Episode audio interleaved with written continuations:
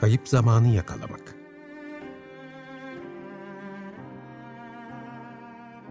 Ölümünün 100. yılında Marcel Proust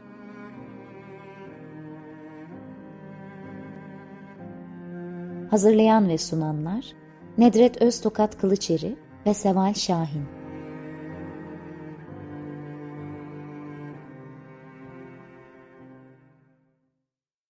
Merhaba, 95.0 Açık Radyo'dasınız. E, Kayıp Zamanı Yakalamak programında Proust'un ölümünün 100. yılı dolayısıyla yaptığımız bu özel programda Nedret Öztokat Kılıçeri ile birlikte e, Proust'u çeşitli yönlerden ele alan bir program yapıyoruz.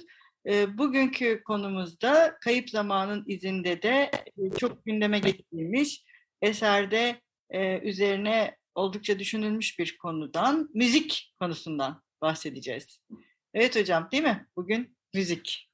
Evet, e, müziksiz e, kayıp zamanın izinde düşünmek e, olanaksız. Zaten okurların da dikkatini çekmiştir. Kayıp zamanın izindenin anlatıcısı müzikten anlayan, gelişmiş bir zevke sahip bir kimsedir ve bestecilerle ilgili düşüncelerini, kişisel zevkini, toplumdaki müzik algısını okurla paylaşmayı sever. E, özel bir ilişki vardır müzik ve roman arasında. E, her şeyden önce e, Marcel Proust'un hayatında müziğin e, önemli bir yeri olduğunu hatırlatalım. Bazı bestelere olan düşkünlüğünü, Paris'teki önemli konser çalıştığını, hatta evinden telefon şebekesi üzerinden teatrofon adı verilen bir sistemle konser salonuna bağlandığını ve bu yoldan Garnier Operası'nın salonlarından örneğin Debussy'nin ya da Wagner'in operalarını dinlediğini biliyoruz. Birçok kaynakta var. Bunun dışında 1 e, Temmuz 1907 yılında Paris Ritz Oteli'nde bir yemek daveti öncesi müzik dinletisi düzenliyor e, Proust. E, burada barok, klasik, romantik dönem bestecilere yer veriyor. Gabriel Fauré, Beethoven, Chopin, Chopin, Wagner, Schumann, Chopin'den parçalar seçmiş o akşamın repertuarı için. Proust'un e, Alman besteciler ve Fransız bestecilerin ağırlıkta olduğu bir müzik zevkinden e, bahsediyoruz. O zaman e, Camille Saint-Saëns'ı, Liszt'i, César Frank'ı ve Bach'ı da tabii unutmayalım. Eleciler, romanslar, noktürnler, piyano ve keman için yazılmış sonatlar, cello sonatları, bunlar işte Paris'in Belle Époque döneminde ince zevklerin buluştuğu, e, salonlarda büyük bir keyifle dinlenmekte ve Proust'un da e, bunları romanına taşıması e, tabii ki hiç bizi şaşırtmıyor. Müziğe olan merakı ve bilgisi aslında ona birçok yazı da yazdırmış. Bunların hemen hepsi yayınlanmış. Hatta bazıları bir müzik eleştirisi diyebileceğimiz nitelikte dolu dolu yazılar. Proust'un çocuk yaşta müzikle tanıştığını da biliyoruz. Çünkü eğitimli ve kültürlü bir burjuva aileden geliyor. Bilime, sanata, edebiyata meraklı bir ailesi var. Fransız edebiyatının klasikleri gibi müziğe de çocuk yaşta aşina oluyor Proust. Çocukken piyano dersleri aldığını, Chopin ve Schumann gibi romantikleri çaldığını biliyoruz.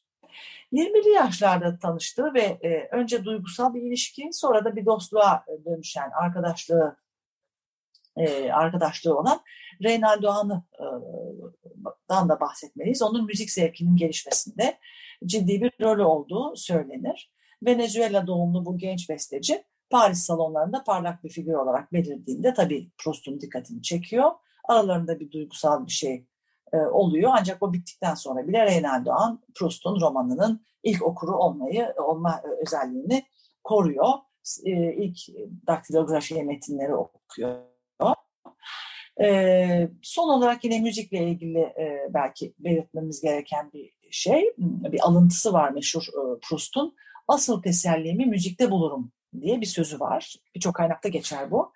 E, o da e, çağdaşları Gabriel Fauré gibi, Claude Debussy gibi e, diyeceğini sanatla, romanla söyledi ve ruhunun titreşimini müziğin titreşiminden ayrı tutmadı belki. E, Proust'un edebiyat dehasını, müzik bilgisi ve müzikal duyum sayışıyla e, bir arada düşünmemiz gerekir. Öte yandan e, müzikle bağının romana yansıdığı, e, hatta müziğin uzun soluklarının, kompozisyon özelliklerinin romanın üslubuna ve cümle yapısına yansıdığını da yine bir Proust uzmanı, müzikolog Jérôme Bastianelli'den e, duymuştuk. Şimdi müzik konusunda e, kayıp zamanın izindeyi daha iyi kavramak için güzel bir kaynak var elimizde. Yapı Kredi yayın evinden çıkan 2018 tarihli Mehmet Rifat imzalı Ruhların İletişimi, Proust ve Müzik başlıklı bu kitap. Çok önemli bir kaynak. Zaten müzik ve Proust konusunda e, bildiğim kadarıyla Türkçe'de de tek kaynak. E, bunu sık sık geri dönerek okumuştum. E, bu programda da e, oradan notları paylaşacağım. E, burada 3-4 tane e, Proust uzmanının e, yapıtlarından e, özlü e, bölümleri aktarmış Mehmet Rifat. Mesela George D. Painter, önemli bir biyograf. Reynaldo Han'ın klasik müzik eğitimi almış bir müzisyen olduğunu ve Mozart'a çok meraklı olduğunu belirtiyor. Debussy ve Fore'den uzak dur, yenilikçilerden uzak dururdu diyor e, Han için. E, Wagner'e de meraklı değil diyor. Halbuki okurlar fark etmiştir. E, Wagner çok sık geçer kayıp zamanın izinde. Biraz sonra buna döneceğiz. Dolayısıyla e, Proust'un Fore'ye ve Debussy'ye merakı onun kendine ait bir e, müzik anlayışında yani etkilenmeleri var mutlaka etkileniyor ama özgün bir müzik zevki de var Proust'un. Bu arada Proust'un Gabriel Fauré ile tanışma fırsatı bulduğunu biliyoruz. Bu Sosin Kontu'nun salonundaki e, davetlerde, müzik müzikal davetlerde oluyor. Yine bu davetliler arasında e, önemli bestecilerden Vincent Dandy ile de e, tanışıyor. Biz biliyoruz Vincent Dandy'ye olan e, merakını, e, hayranlığını hatta Marcel Proust'un. E, nitekim Kayıp Zamanın izinlerin önemli kişileri arasında yer alan besteci Venteuil'in adının Vincent, Vincent Venteuil olduğunu da hatırlatalım. Yine Mehmet Rıfat'ın kitabında bu e, ilginç notu buldum. E, Proust'un davetlisi olduğu bir başka salonda Prens Edmond e, de Polignac'ın Paris'teki konağı. E, burada da birçok e, besteciye mesela Fauré'nin, e, Gabriel Fauré'nin sonatını, Bach'ın sonatlarını, Beethoven'in kuvatorlarını e, burada dinlediğini e, belirtiyor. Başka kaynak, bu e, Jean-Yves Tadier yine e, Mehmet Rıfat'ın kitabında alıntıladı, alıntıladığı yer verdiği çok önemli bir Proust araştırmacısıdır. Ben başka kaynaklarda Ravel'i de bu salonda din, dinlediğini okudum e, Marcel Proust'un. E, yine e, Gabriel Fauré'nin ünlü keman ve piyano sonatını burada keşfettiği de yine başka kaynaklarda var. Bu müzik salonları dışında dinlemekten haz duydukları arasında Beethoven, Bach, Gluck, Schumann, Massenet, Chausson, Couperin, Erik Satie, e, Mussorgsky, Mendelssohn da var. Şimdi e, Karip Zaman izindesinin e, izindenin önemli bestecisi, e, piyano öğretmeni Vento'ya gelelim. E, Ventö kurmaca bir kişi, e, bunu biliyoruz. Dolayısıyla bestesi de, besteleri de e, kurmaca olmak zorunda. E, Ventö'yü hatırlar e, dinleyicilerimiz. Ressam Elstir ve e, yazar Bergot gibi yaratıcılık, yaratıcılıkla ilişkili e, kişilerindendir. E, kayıp zamanın izinde de bundan bahsetmiştik daha önce. E, fakat tabii Proust araştırmacıları e, Venteuil'ün bu kurmaca e, besteleri bir e, dörtlü bir sonat, bir tane de e, septiyor, yedili var. Bunları hiç böyle kendi halinde bırakmıyor uzmanlar. Sürekli e, kaynak, hangi kaynaklardan e, beslendiğini yazarın e, bulmaya çalışıyorlar. Örneğin George Painter Venteuil kişiliğini, Venteuil'ü, Venteuil bestecisini altı bestecinin bir sentezi olarak görüyor. Ee, bunlar e, Mehmet Rifat'ın 31. E, kitabının 31. sayfasında yer alıyor meraklısı için. Beethoven, Debussy, César Franck, Camille Saint-Saëns, e, Gabriel Fauré ve Vincent Dandy. Bu beş, altı kişiden esinlenmiştir diyor. Jean-Yves Tadier ise bu müzisyen karakterde Saint-Saëns'ın izlerini buluyor.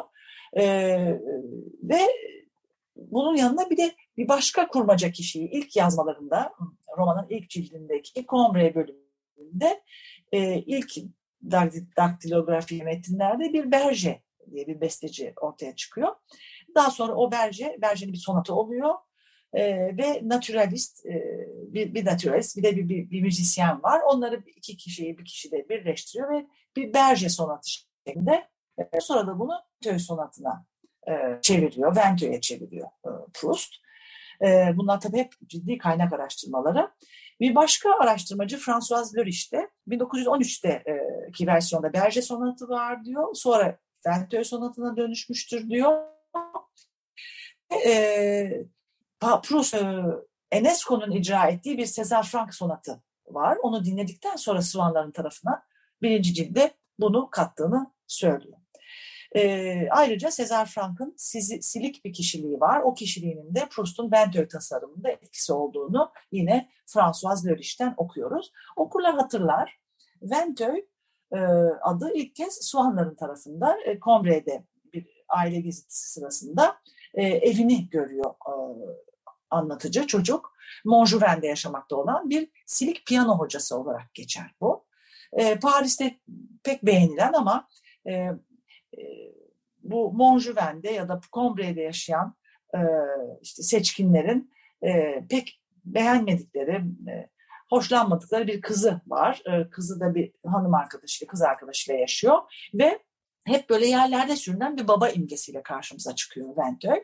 Herkes adama e, acır ve e, bu sahnede de Proust'un anlatıcısı kızı ve sevgilisinin babasının fotoğrafına tükürdükleri, saygısızlık ettikleri bir e, sahneyle e, Venteux'u sokar romana. Böyle bir hakikaten haksızlık edilen, zor durumda bir baba imgesiyle Venteux karşımıza çıkıyor.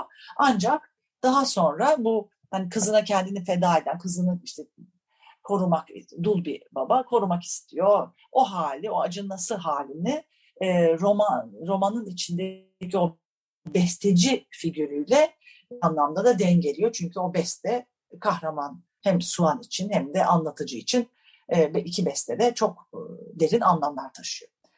E, isterseniz burada ara verelim. Evet. Bestenin önemli ona bir yer verelim sonra tekrar devam ederiz. E, sanıyorum daha önce biz e, dinlemiştik Cesar Frank'ın e, tonatını. E, ama e, bugün de e, bu kadar Ventöy'den bahsedip birazdan Suan'la Odette'den de bahsedeceğiz. Keman ve piyano sonatını dinleyelim. Merhaba, 95.0 Açık Radyo'dasınız. Kayıp Zamanı Yakalamak programında Nedret Öztokat Kılıçeri ile birlikte ölümünün 100. yıl dönümünde Proust'u çeşitli yönleriyle andığımız programımızın bu bölümünde Kayıp Zamanın izindenin müziğini konuşuyoruz. E, bayağı bir besteciden ve Proust'un müziğe olan ilgisinden bahsettik e, ilk bölümde. Evet, nasıl devam edelim hocam? E, şimdi biz geçen programda e, Proust'ta bu sosyolojik bakıştan bahsetmiştik. Ben bu girişte Wagner'den bahsettik ama Wagner'e bir, bir, bir bölüm açmak istiyorum. Biraz onu anmak istiyorum. Wagner e, besteleriyle ve adıyla en sık geçen e, besteci Proust'un e, kayıp, e, kayıp zamanı izindesinde. E, bazı notlarında e, Proust, Venteux sonatının modeli olarak Wagner'in Lohengrin'in birinci sahnesindeki prelüd ile e, Fore'nin baladını kaynak olarak belirtmiş. Sonra 1918'deki notlarında Wagner'in Parsifal'inin Kutsal Cuma harikasını ve Schubert'in bir parçasını öne kaldığını yazmış. Yakın dostlarına ise e, Saint-Saëns ve César Frank'ın demin de dinlediğimiz e, La Major e, sonatından bahsetmiştim. Şimdi e, bu Wagner'le olan ilişkisi e, biraz sosyal bir e, anlamda taşıyor.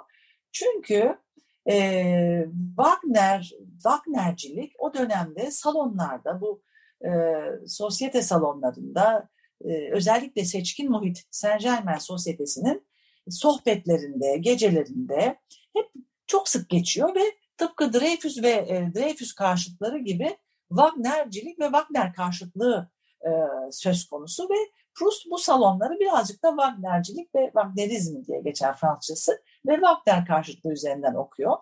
Mesela Tristan ve Isolde e, dönemin snoblarının sohbet konularından birisi. Dolayısıyla moda bir besteci ve böyle cesur ve modern bir besteci çerçevesinde e, snoblar da çene yarıştırmayı seviyorlar. Wagner'i seviyorum demek, modayı izliyorum demek. E, sosyolojik bir karşılığı var. E, bunu da yeri gelmişken belirtmiş e, olayım. E, fakat birçok araştırmacı da Wagner'in e, yapıtının o uzun soluklu, derinlikli e, yapısının e, inşa e, kompozisyonunun Proust'la Proust'un yapısı yapıtının e, kompozisyonuyla, derinliğiyle ilişkili olduğunu söylerler. İki dehayı birbirine yakın tutarlar. Hatta Jean-Jacques Natier'in de böyle bir kitabı varmış. İki dehayı Proust'u ve Wagner'i karşılaştırdığı bir e, kitabı varmış. Onu da yine Mehmet Rifat'ın e, kaynak kitabından okuyoruz. E, bizim hayali besteci Ventöy'ün ünlü sonatına dönersek, Ventöy'ün ünlü sonatındaki, kuatordaki küçük cümlecik Proust okurlarının belki de Madeleine çöreğinden sonra en iyi bildikleri bir motiftir. Odet ve Swan'ın aşkının sembolüdür. Madeleine damağa hitap ederken bu işitsel yoldan ilişkileri bittikten sonra Swan'ın Odette'i her dinlediğinde Odette'i düşünmesi, Odette'le yaşadığı o haz dolu aşk günlerine geri dönmesi anlamını taşır. Zaten bundan da daha önce bahsetmiştik. Bir de bir yedilimiz var. O yedili de yine Ventöy'ün bestesi. Bunu da ilk kez anlatıcı Verdürenler'deki bir resitalde çalınıyor, orada duyuyor. Ve anlatıcı bu sefer bir anımsayışa, duygulara kapılıp gidiyor.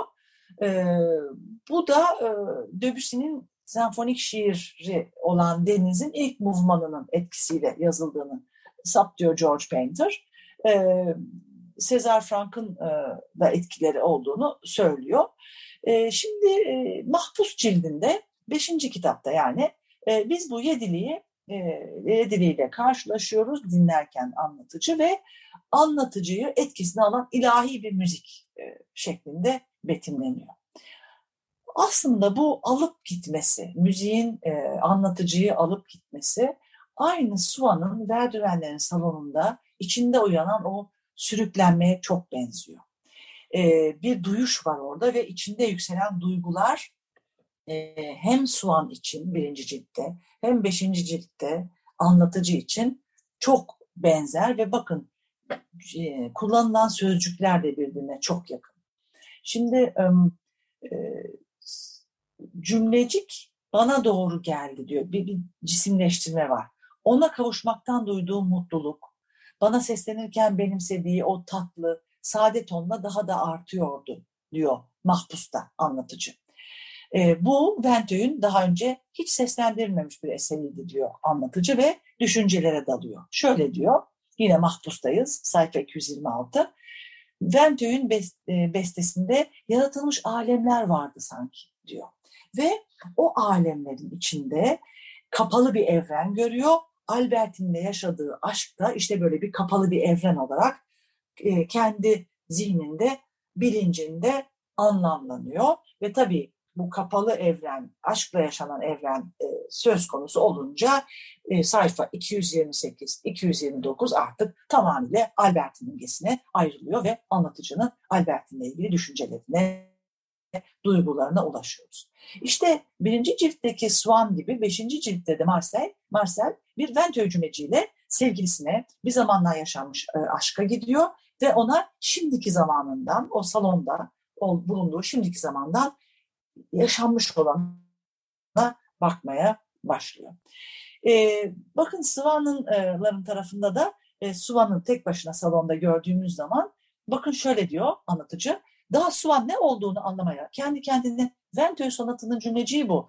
E, dinlememeliyim onu demeye vakit bulmadan Odette'in ona aşık olduğu günlere ait anılar uyandılar ve katlanıp Suvan'ın etrafını sararak e, mutluluğun unutulmuş şarkılarını çılgınca söylemeye başladılar. Bu da birinci cildin 354. sayfasında. Dolayısıyla sadece duyulan şey müzik değil, eğleyen, harekete geçiren, dönüştüren bir şey var orada. Ve Suan'ın ruhuna konuşuyor. Hatta o ruhu ele geçiriyor. Müziğin kendi kelimeleri var. Hitap ettiği ise Suan, özne. Dolayısıyla e, Suan'ı eskiden beri iyi tanıyan bir dost oluyor e, müzik ve cümlecik bütün hafifliğiyle yine alıntılıyorum huzur vererek söyleyeceklerini Suan'a söyleyip geçip giderken Suan kelimelerin hepsini dikkatle dinliyor. Çabucak uçu verme, uçup gidivermelerine üzülüyor. Sanki o kaçak varlığı geçerken altını çizdim. Öpecekmiş gibi dudaklarını uzatıyordu. Özdeşleşmeye bakar mısınız? Kadının varlığını getirdi müzik ve sanki kadının fiziksel varlığı da oradaymış gibi bir öpme edimi, isteği uyanıyor. Ee, ve bu artık e, Suan bu müziği dinlerken kendini sürgünde hissetmiyor. Çünkü müzik ona Odette'den bahsetmekte. İnanılmaz e, güzel, estetik hem aynı zamanda bir e, bir betimleme ama müziğin maddeleşmesi, canlı bir varlığa dönmesi, geçmişle şimdiyi Suan'ın zihninde bir araya getirmesi inanılmaz bir e, bir imge. E, tabii bu ilişki bittikten sonraydı. E, ilişkinin başladığı zaman da biraz e, ben Marcel Proust'un ironisini de seviyorum, mizahını seviyorum. E, Odette ile Swan e, beraberken Bention'un cümleciğini çalmasını çok sık ister e, Swan e, Odette'den. Şöyle diyor, piyanonun üzerinde Odette'in en sevdiği parçalardan bazılarının notaları açılmış olarak dururdu. Swan bunların yerine Venteux sonatının cümleciğinin çalmasını rica ederdi Odette'den. Odette çok kötü çalardı gerçi ama çoğu kez bir eserden bizde kalan en güzel izlenim akordu bozuk bir piyanodan, beceriksiz parmakların çıkardığı fal solu seslerinin yarattığı izlenimdir. Venteux'ün cümleci Swan'ın zihninde hep Odette'le olan aşkıyla bütünleşiyor. Dolayısıyla ilk zamanlardaki o e, piyano e, performansı kadının e, mizahıyla yine e, aşkın e, göstergesi olarak romanda yerini e, alıyor. Dolayısıyla son, Sonat'ın Ventöy'ü için neler söyleyebiliriz? E, herkesin ortak e, düşüncesi şu ki bir koleksiyoncu gibi e, Ventöy'ün sonatını oluştururken ya da septiyör oluştururken e, yediliği e, bilgi sahibi bir koleksiyoner var sanki karşımızda. Pa parçalardan, bestelerden tınılar, etkiler seçiyor ve bunları da ne yaptığını iyi bilen bir kolaj ustası gibi birleştiriyor. Damıt, damıtarak bir bestecilerden aldıklarını damıt, damıtarak bir beste, hayali bir fiktif bir beste yapıyor. Böylece e, bir müzik aşığı var karşımızda. Hem Proust hem Swan hem anlatıcısı ve e, büyünün sanki romana katılması gibi bir e, şeye eşlik ediyoruz. E, Venteuil'in sonatıyla. Başka çok küçük bir şey e, eklemek istiyorum e, eğer Tabii. vaktimiz varsa. Tabii çok e, da, evet. e, O da e, yine birçok e, araştırmacı bu kompozisyon sanatını, Proust'un kompozisyon sanatını e, müzikal kompozisyonla koşut e, paralel e, buluyorlar. Yani romanın edebiyatın bilinciyle, edebiyatın anlayışıyla müzikal anlayışı bu kadar iyi birbirine e, taşımış, e, iki e, alanı bir birleştirmiş roman gerçekten e, edebiyat e, dünyasında azdır. E, müzikle ilgili olarak bizim 19 ve 20 Ekim'de e, Proust'u müzikle anacağımız da bir, bir, bir kolokyumumuz var. E, onun yanı sıra 19 ve 20 Ekim'de de Damdösyon, Notre Dame de Sion Lisesi'nde e, Fransız Kültür Merkezi ile ortaklaşa bir program var. Orada da e, Proust'u e, sevdiği bestecilerle e, anacağız. E, onu da şimdiden duyuralım. Evet, e, herkesi bekleriz diyelim bu etkinliklere. Çok teşekkürler. E, bir e, Proust programımızın daha sonuna geldik. İki hafta, yani iki programımız kaldı. Gelecek programlarda görüşmek dileğiyle. Hoşçakalın. Hoşçakalın.